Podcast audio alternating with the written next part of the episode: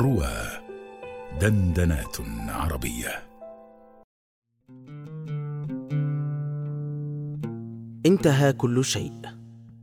قبس من رواية المغاربة للكاتب المغربي عبد الكريم جويطي بصوت الراوي أحمد مجدي.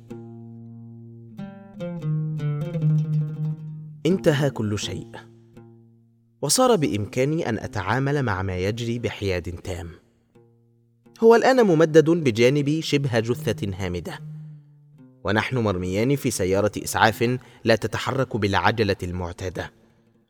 بل إنها لم تشغل منبها. وبدل ذلك شغل سائقها شريط أغنية صاخبة كأنه يسير في موكب عرس. الحالة بحسب تقديره ميؤوس منها. ولا حاجة للاستعجال فيها. حركت يدي ببطء وحذر حتى لمست يده وصعقت. لولا الشعر لخلت أنني لامست قطعة ثلج.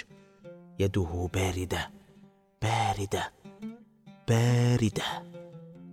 أنا الآن برأس مهشم وبقوى خائرة تماما بل بجسد ميت. رجل يهجر نفسه ويتملاها في سكينتها وتسليمها الأبدي.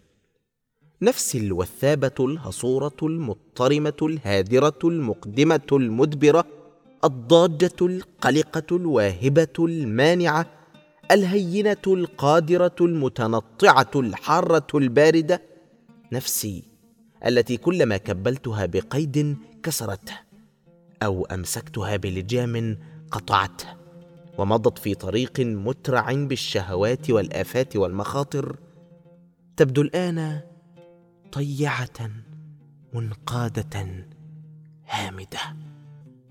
أنا ولست أنا. ماتت الحواس. ماتت اللهفة والكبرياء.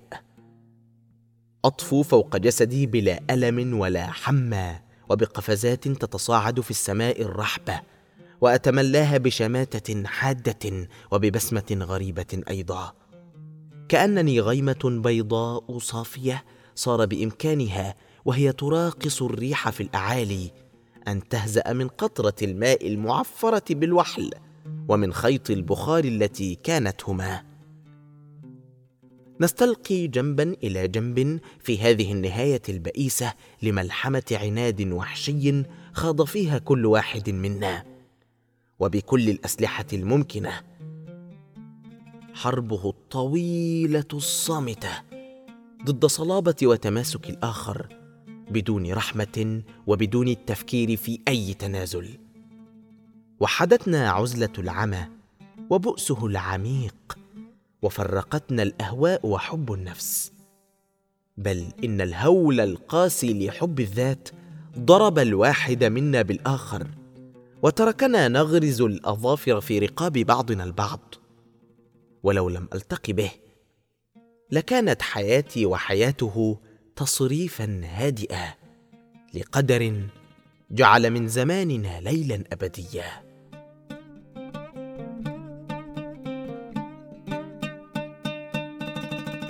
حين وصلنا المستشفى سمعتهم يقولون واحد مات والآخر في نزعه الأخير. لم أجزع. أحس بما يفعلونه بجسدي وهم ينقلونه من مكان إلى مكان آخر. أحس بهم يجردونني من ثيابي ويتركونني كالدودة.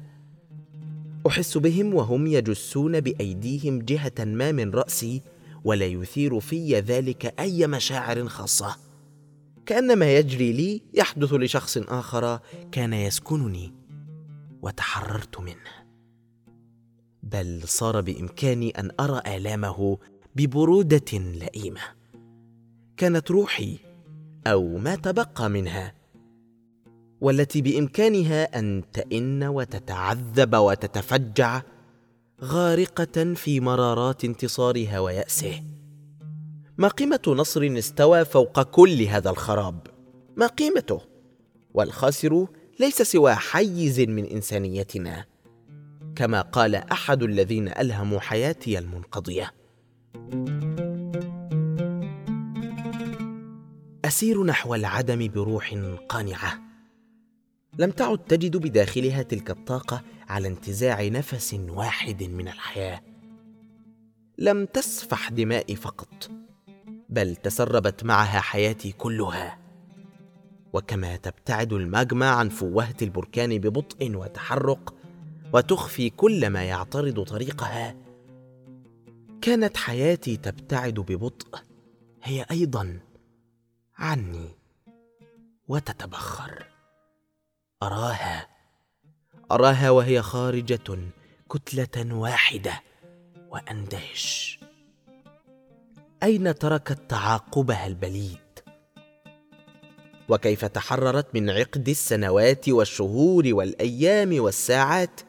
الذي كان يقسمها ويضبطها في مسار متسلسل.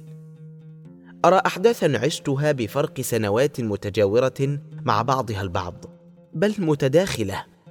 أرى احداثا تافهة تكبر وتصير هامة ولا أجد بداخلي أي أثر لأحداث كنت أعتقد أنها حاسمة في حياتي. أراها مثل حقل ذرة تعرض لصاعقة مدمرة. لم تترك فيه إلا بعض الأعواد المتناثره لم أكن أعيش في الزمن بل الزمن كان يعيش بداخلي. وها هو يندلق كمصارين كرش مبقورة. ولا أعرف مبتدأه ولا خبره. من يملك القدرة على تغيير أحداث وقعت؟ الله نفسه. وفي نواميسه التي يجري بمقتضاها الكون يقدس الماضي في حياة البشر ويجعله امرا انقضى ولا سبيل لملامسته إلا عبر التذكر. غير أنني وأنا في النزع الأخير أرى بأن الذاكرة تتلاعب بالماضي وتعمل خلاطتها في أحداثه وتصنع في النهاية شيئا غريبا. أرى فيه انسانا يشبهني وتذكرني حياته بحياتي وبأشياء عشتها لكنها تفتقد الكثافة أو الخفة التي كانت تنعكس بها في سريرتي. زوند أكاو زوند أكاو كانت صفية وهي تستحم في حمام سلة القصب تغني لوعود حبيب تبددت مثل الدخان.